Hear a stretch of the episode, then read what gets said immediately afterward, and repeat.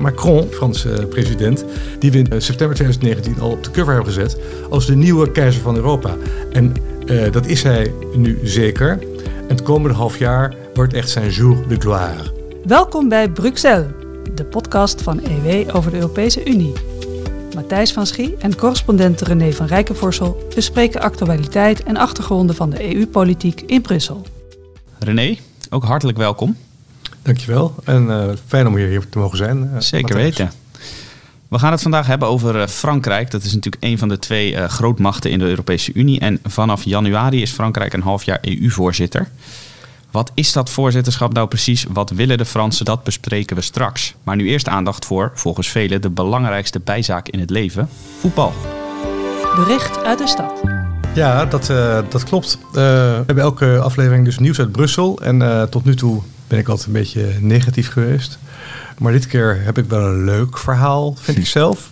Um, luisteraars zullen vast Excelsior kennen. Excelsior is, de, is een kleine club in Rotterdam, uh, in Kralingen gevestigd, uh, de, de, de, van Rotterdam. Uh, met een klein stadionnetje en, ja, en, een, en een vaste aanhang, een beetje een cultclub. mijn, mijn sympathie heeft Excelsior altijd gehad. Um, en Brussel, de stad Brussel heeft ook een soort Excelsior. En dat heet Union Saint-Gilles, of, officieel eigenlijk Royale Union Saint-Gilloise. En dat is een voetbalclub die is opgericht in 1897. Ik heb even niet gekeken wanneer, van wanneer Excelsior is, maar dat zal denk ik ongeveer dezelfde periode zijn geweest.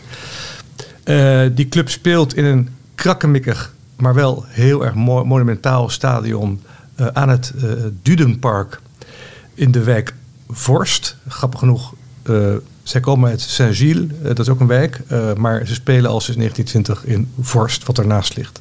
Dat heet het Joseph Marien Stadion. Ja, en daar, uh, en, daar is een voetbalsprookje gaan. Daar, is, nou, dat, dat, wou, dat, daar was een lange, een lange hele lange inleiding ja. om daar te komen. Ja.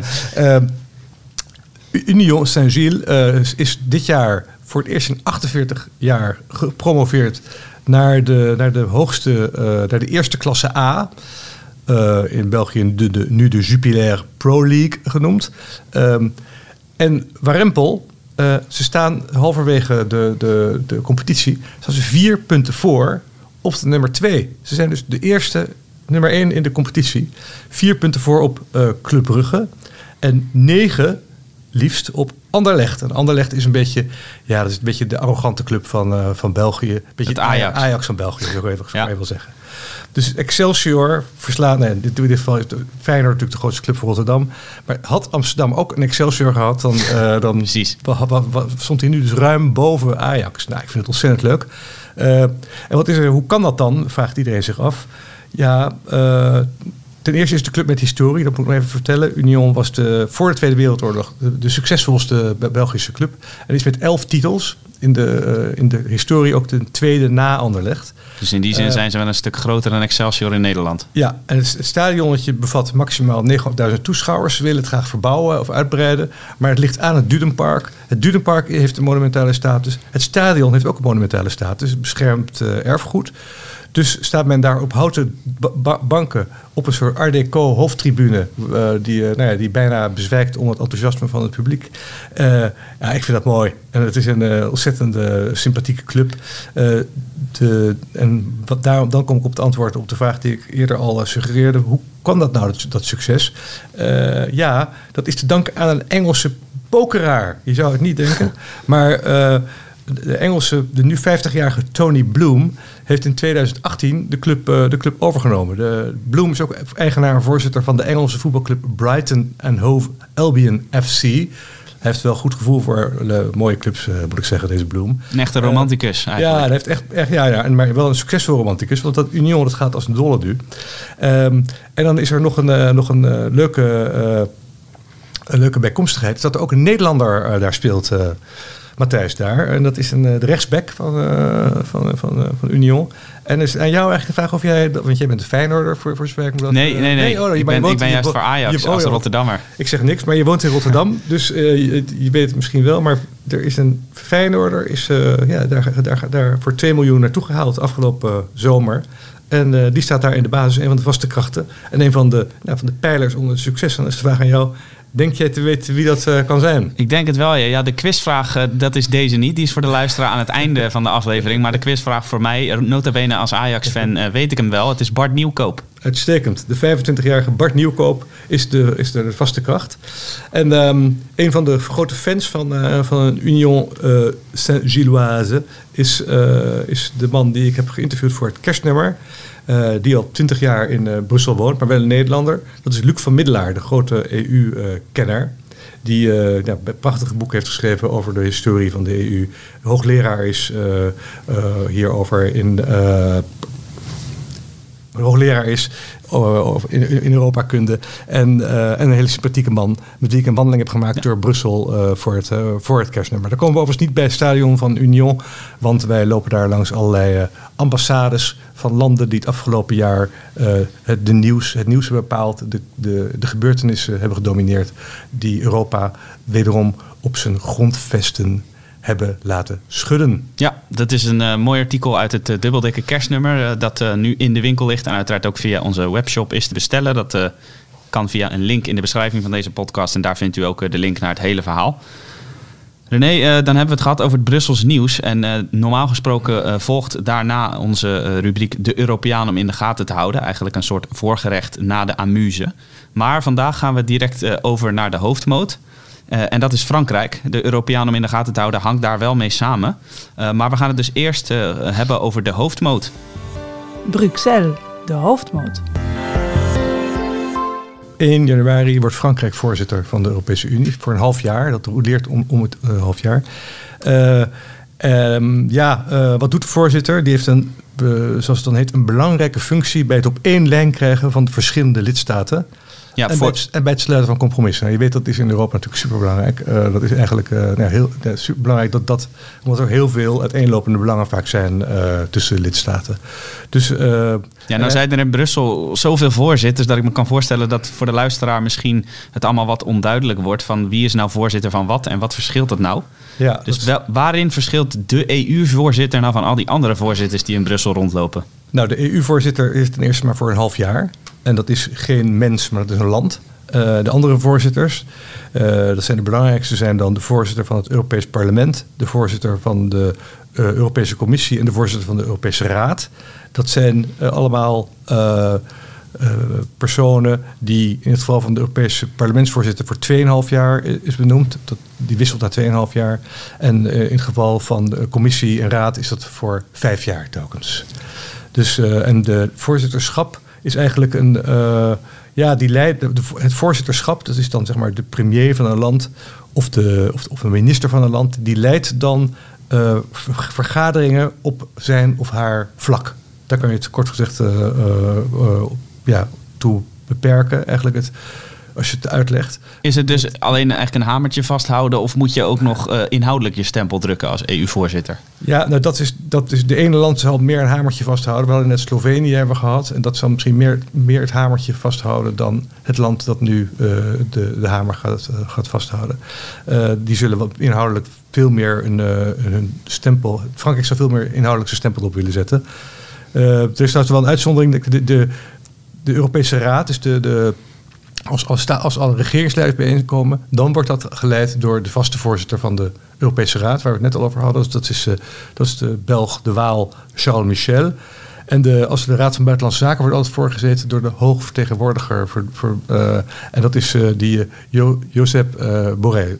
Ja, dat was toevallig de man die jij een aantal maanden geleden klem zette met een vraag. Nou, over ik zet hem niet hem klem, maar ik zet geloof ik mevrouw van der Leyen en meneer Michel daarmee klem. Ja. Nog hoger. Ja, ja, ja. ja. dus dat, ja, dus het is, het is belangrijk. En je kunt ook, dat is, dat is een van de dingen uh, die ook hoort bij het voorzitterschap.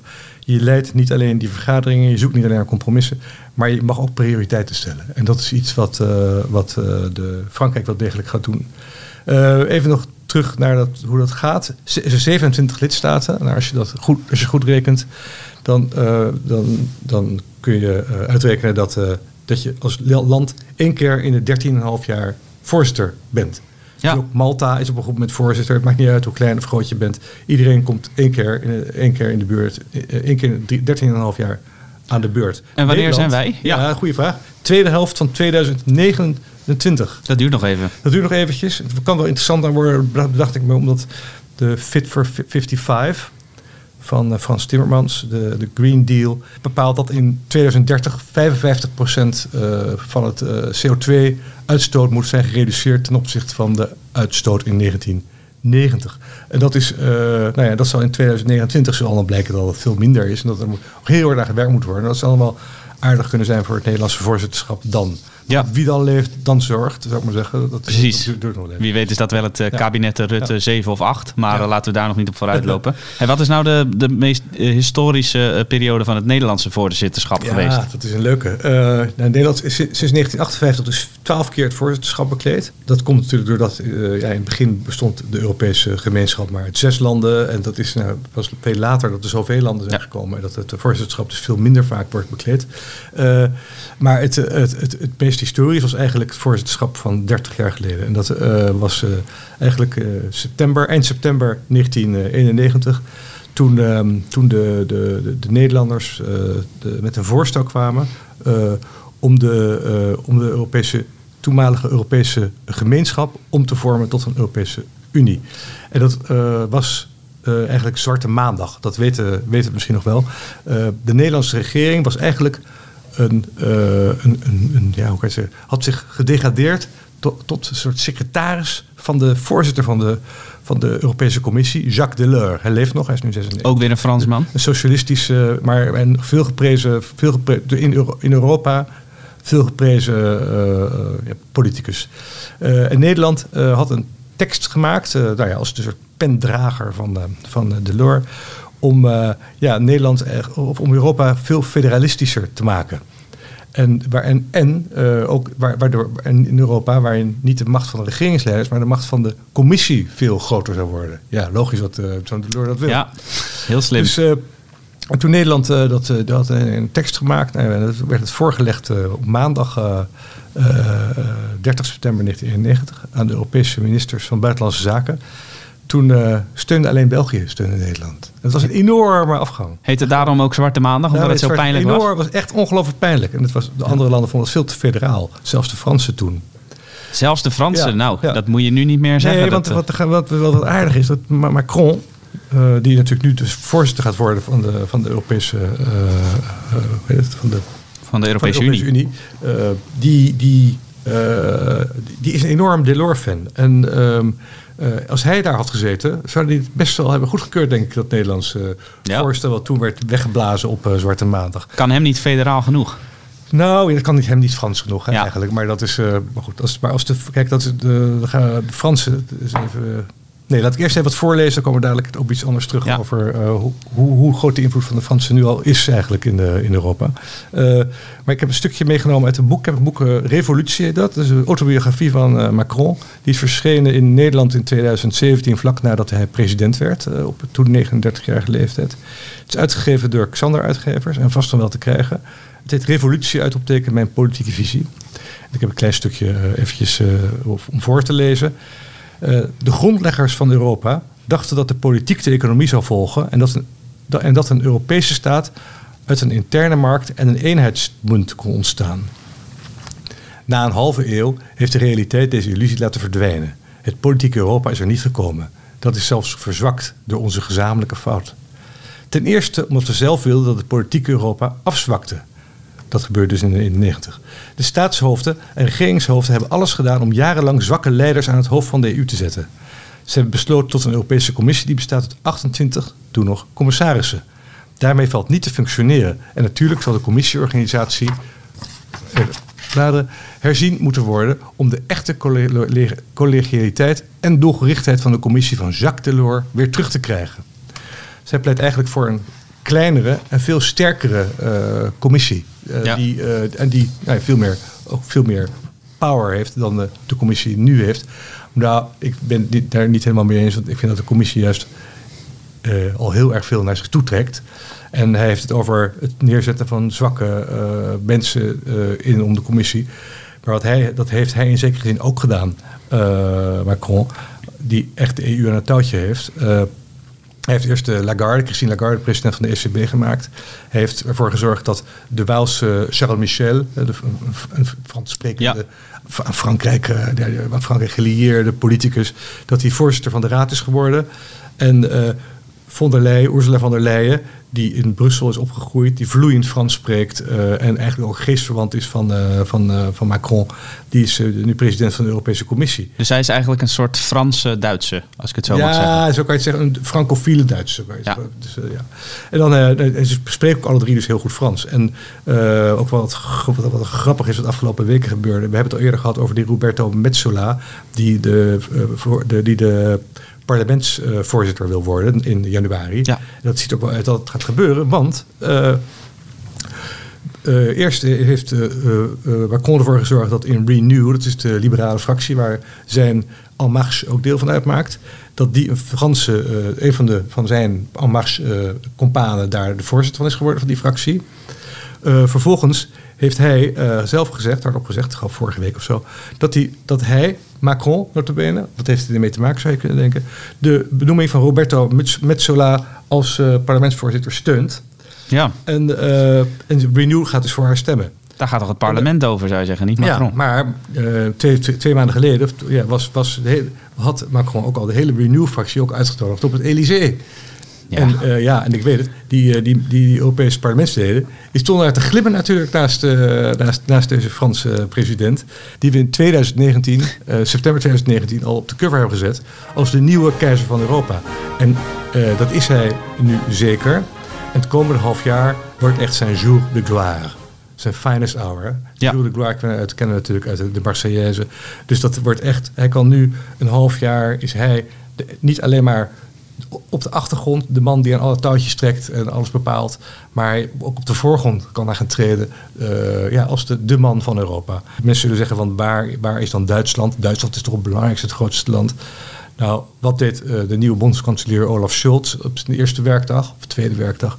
Hij ging op bezoek bij Macron. Dat is toch een, uh, ja, dat is, die, iedereen gaat toch naar hem toe, naar de keizer, knielt voor zijn troon en vraagt ja, hoe ze zoals hem bij Napoleon hoe ze hem kunnen behagen. geval dus, was. Uh, ja, dat is Ja. ongelooflijk. Ja. Hey, als we eventjes naar dat uh, voorzitterschap gaan kijken, dat dus januari ingaat. Uh, er zijn een aantal prioriteiten. je hebt natuurlijk de korte termijn en de lange termijn. Laten we eerst even naar de korte termijn gaan kijken. Wat wil Frankrijk nou bereiken vanaf januari tot en met juni?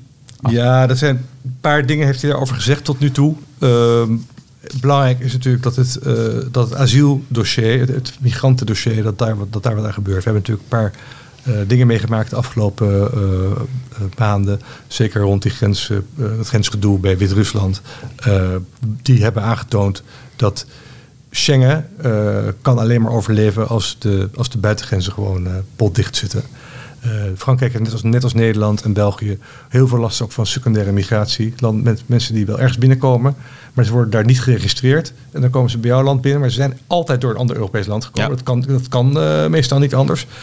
Maar toch, maar toch uh, ja, kun je niet zeggen, je bent via dat, dat land gekomen. Want dat land zegt, ja, ik weet van niks, ik ken die man niet op die vrouw niet.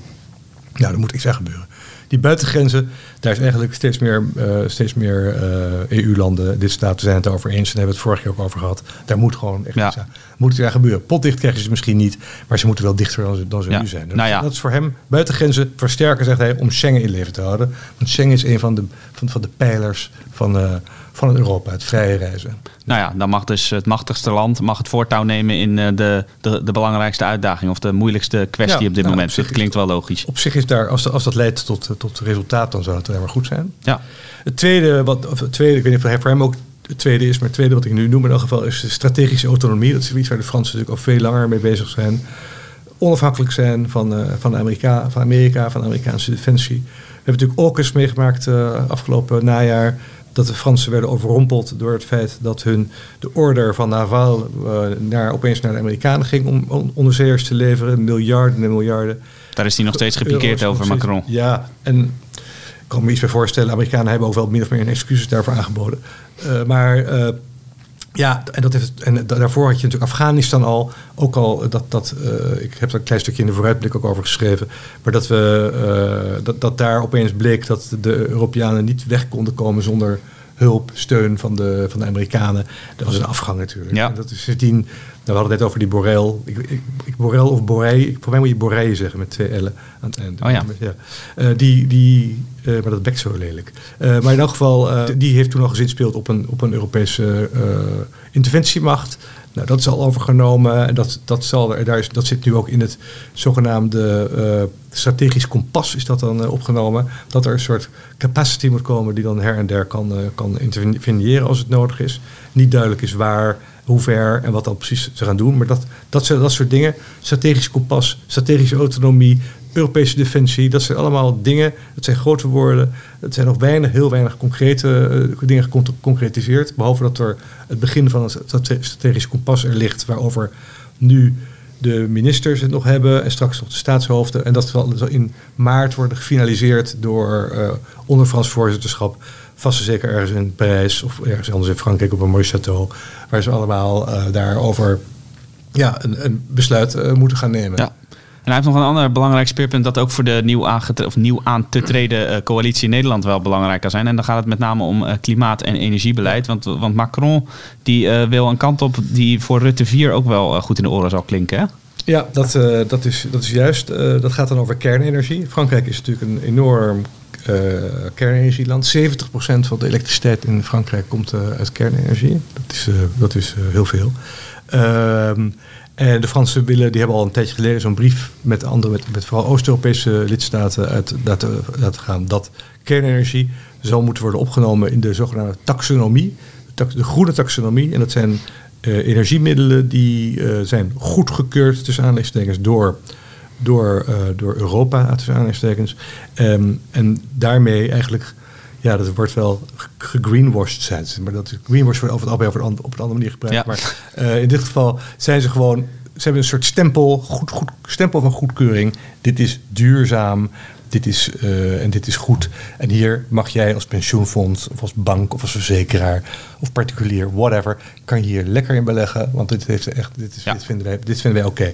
Nou, en als de kernenergie erop staat, en het geldt zelfs geldt over voor gas, maar daar heeft Macron het daar weer niet over, dan. eh, dan, eh, ja, dan, dan, wordt, dan wordt het veel interessanter voor, voor investeerders. Precies. En dan, eh, dan, dan krijg je meer kans dat die kerncentrales hier in Nederland ook eh, uiteindelijk gebouwd zullen worden. Ja, jij, jij schreef vrijdag 17 december een verhaal van onze site over die groene taxonomie. En daarin schrijf je dat maandag eh, 20 december... Nee, 22 december. Oh, excuus. Woensdag. Ja, Dat, naar, naar verwachting. Hè. Het kan, Ja. ook worden uitgesteld. Maar kijk, die, het zou eigenlijk, die lijst zou eigenlijk 1 januari, tw- 1 januari 2022 klaar moeten zijn. ja. Dus eh nu hebben ze niet zoveel dagen meer eigenlijk. Ja, maar je zou zeggen als eh, Frankrijk eh, 70% van zijn energie uit, eh, eh, uit nucleair haalt en, en ze zijn het komende half jaar voorzitter, dan zou je eh, zeggen dan, dan moet dat eh, in het voordeel van kernenergie gaan uitvallen, die taxonomie. Of is dat te snel gezegd? Ja, nou ook, het ook een beetje wat ook in, ook in het voordeel is van van de kernenergie. Is dat von der Leyen, die is president van de commissie, die heeft dat dossier, dat, dat dossier een beetje naar zich toegetrokken. Ja, en zij is toch, ja, het is een beetje onaardig om te zeggen, maar het is, ze komt wel in de buurt van het zijn van een buikspreekpop van eh, Macron. Ja. Dus, eh, dat, dus zij, en zij heeft ook al gezegd, na, niet toevallig, net na een top waar Macron ook bij was, dat was in oktober, dat, zat, dat ze wel degelijk een rol zag, een belangrijke rol, een onmisbare rol zelfs, voor gas- en kernenergie zag. Gas in het, eh, dan, dan is het dan transitioneel, dat is het tijdelijk. En voor kernenergie wat definitiever in, de, in die taxonomie. Ja, dan zie je eigenlijk ook wel weer dat eh, jij, jij wierp net al op van sommige mensen denken dat Duitsland machtiger is. Maar als eh, er heel nadrukkelijk voor kernenergie zou worden gekozen, dan is het duidelijk dat Frankrijk de basis is. Want Duitsland heeft daar juist eh, afscheid van genomen, radicaal. Ja, maar daar, dat is wel een aardige van je. Maar eh, de Duitsers hebben ook een groot probleem. Want die moeten hun steenkolen, shit moeten ze vanaf. Maar, Ja. eh, maar, maar Merkel, die heeft echt niet alleen maar verstandige dingen gedaan in het leven. In het politieke leven. Die heeft een paar fouten gemaakt. En, eh, en één grote fout is natuurlijk na Fukushima het aankondigen van het sluiten van alle kerncentrales. De atoomausstieg. Ja, dus wat betekent dat? Dat, eh, dat, dat, die, dat, dat die Duitsers een probleem hebben. Want met windmolens alleen kan je die boel, kan je, de- kan je, de, kan je, kun je de, de fabrieken van, eh, van Volkswagen en Mercedes ook niet aan de gang houden, Nee. zou ik maar zeggen. Dus dat is, dat is echt het probleem. Dus, dus wat willen die Duitsers? Die willen gas, die willen gascentrales. Maar ja, die gas staat dus ook niet in die, eh, in die taxonomie. Dat zal ook niet inkomen omdat het te veel gram aan CO2-uitstoot per kilowattuur. Nu 250. En het zou 100 moeten zijn, maar dat schijnt technisch heel, heel lastig uh, te zijn. Misschien dat er luisteraars zijn die hier meer van weten, dan hoor ik dat graag. Maar de, uh, de Duitsers hebben dus een probleem: geen steenkool, geen kern. Dus gas. Dus gaan ze gascentrales neerzetten voor een jaar of 10, 15.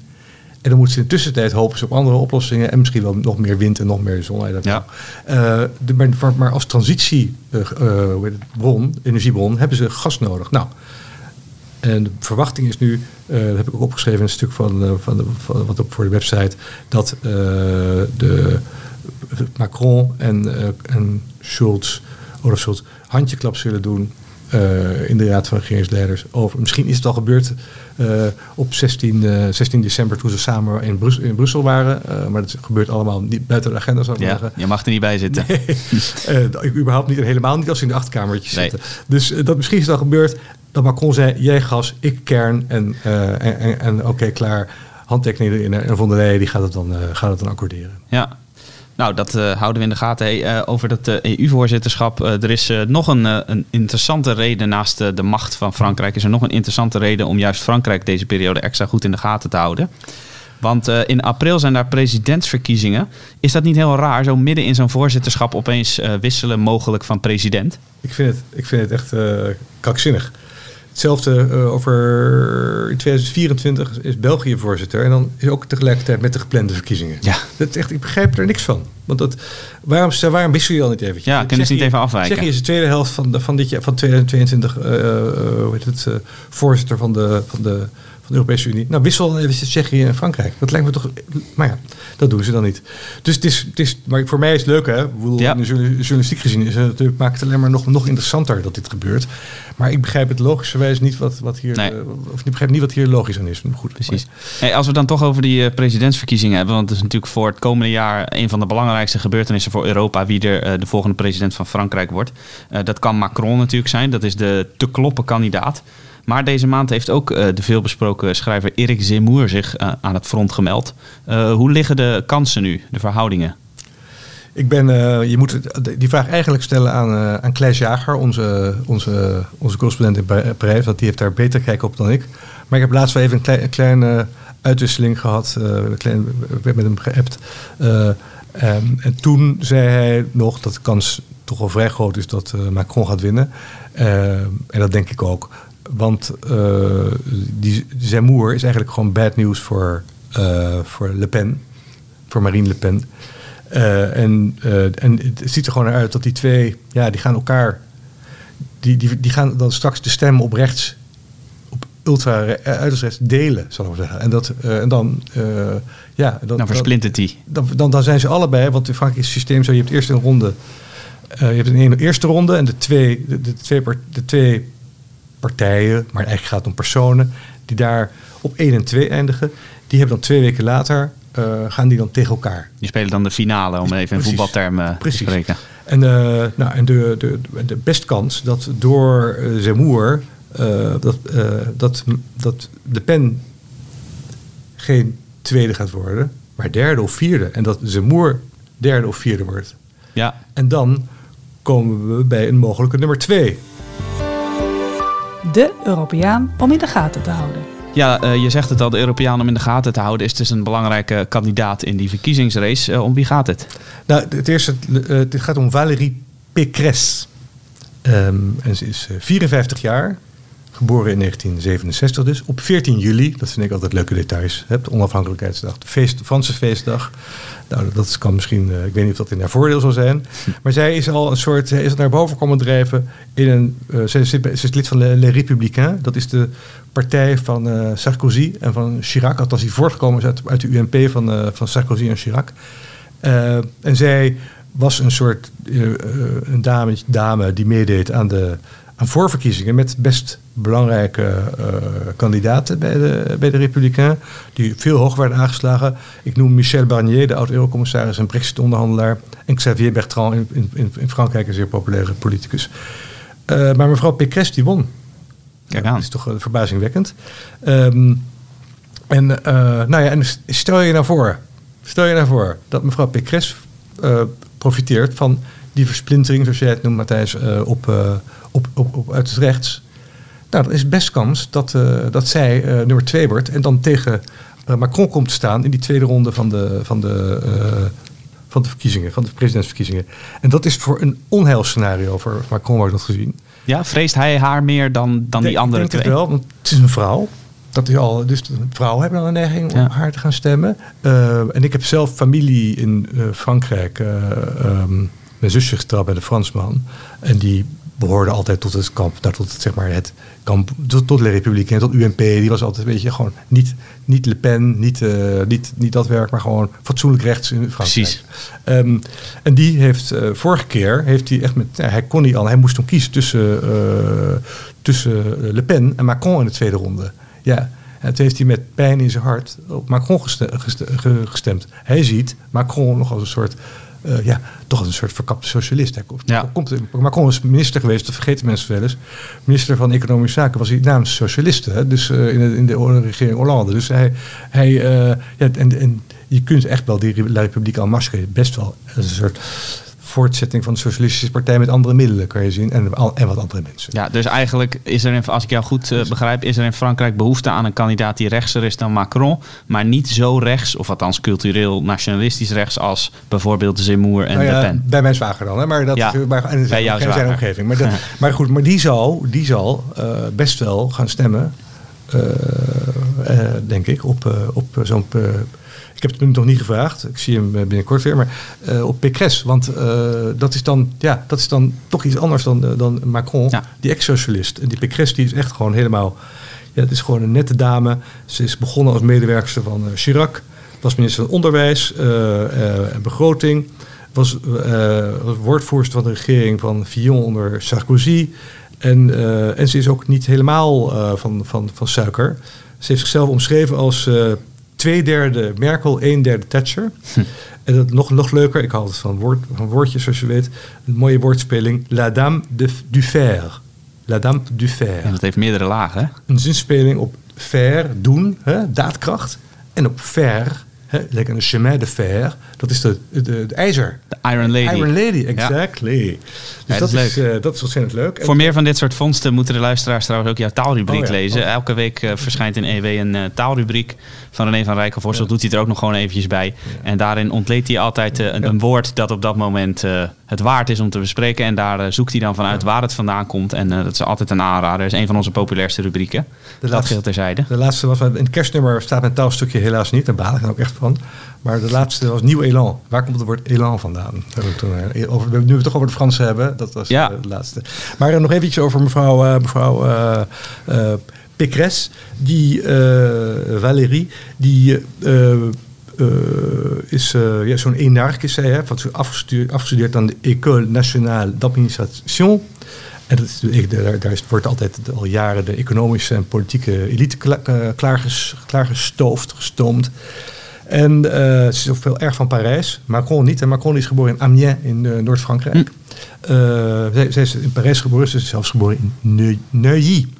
Dat is een hele chique, chique, chic deel van Parijs. En daar heeft ook Kleis Jager, ik noemde hem net al, denk ik twee jaar geleden of zo'n heel mooi uh, stuk in het Volgens mij was het het zomernummer, afgelopen zomer. Oh, nou, sorry. Ja. Zo zie, zie, je maar hoe snel... Dat was nog maar heel recent, ja. Oké, okay. heel mooi verhaal geschreven. Ook te uh, vinden in de beschrijving. Over, over, heeft hij uh, in het... dus kennelijk in Martijs in het zomernummer, dankjewel daarvoor, van Elsevier. Um, ook nog even noemen bij mevrouw Pécresse is dat haar running mate, dat is Eric Chiotti. Klinkt Italiaans. C-I-O-T-T-I. Ik denk dat dit ook wel Italiaanse af, af, af, uh, afkomst is.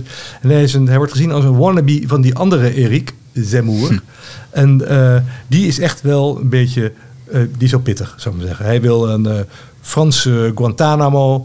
Hij wil, nou, hij wil ook gezinsherenigingen en dergelijke helemaal stoppen. En gezinsvorming. En dus die, met die man, als ze die wat meer, meer ruimte gaat geven dan, eh, dan, dan, ja, dan kan ze ook die, die, die, die Le Pen Ja. en, en Zemmour aanhanger krijgen. Dus tactisch Alleen- heel slimme keuze. Ja, alleen als je in- hoe dat gaat in Frankrijk, maar in de politiek überhaupt natuurlijk.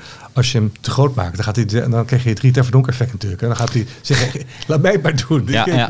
het- ik ga, dus eh, daar moet ze ook weer mee uitkijken, mevrouw Pécresse. Maar goed, die- ik zou zeggen tegen de luisteraar, let op haar. eh, het, is, het, spannend en zij zou zeg maar, het Macron in de tweede ronde echt nog eh, lastig kunnen maken. En dan ook nog wel, en zij, wat mevrouw Pécresse ook nog heeft, even, nog even tenslotte hierbij, ehm, is dat ze eh, de Republikein, de oude UMP van Sarkozy en Chirac, eh, dat is een, een van de weinige partijen van vroeger, van, die, nog, die nog in het verleden hun fundamenten hebben, die nog meedoet aan die, aan, aan die Franse verkiezingen. Die Franse politiek is toch wel erg om, om, omvergehusseld Ja. eh, eh, sinds Macron. Ehm, als zij niet meedoet eh, aan die tweede ronde van de presidentsverkiezingen, dan wordt over het algemeen gezien dat die Republikeinen een beetje uitgespeeld zijn ook. Precies, Frankrijk. ja. Dus dat is wel een last die op haar frêle schouders rust. Ja, dan heb ik nog één vraag. Dat is eh, misschien een beetje improviseren voor jou, maar ik stel hem toch maar. Ik moet denken aan de, aan de eh, Franse presidentsverkiezingen van de vorige keer.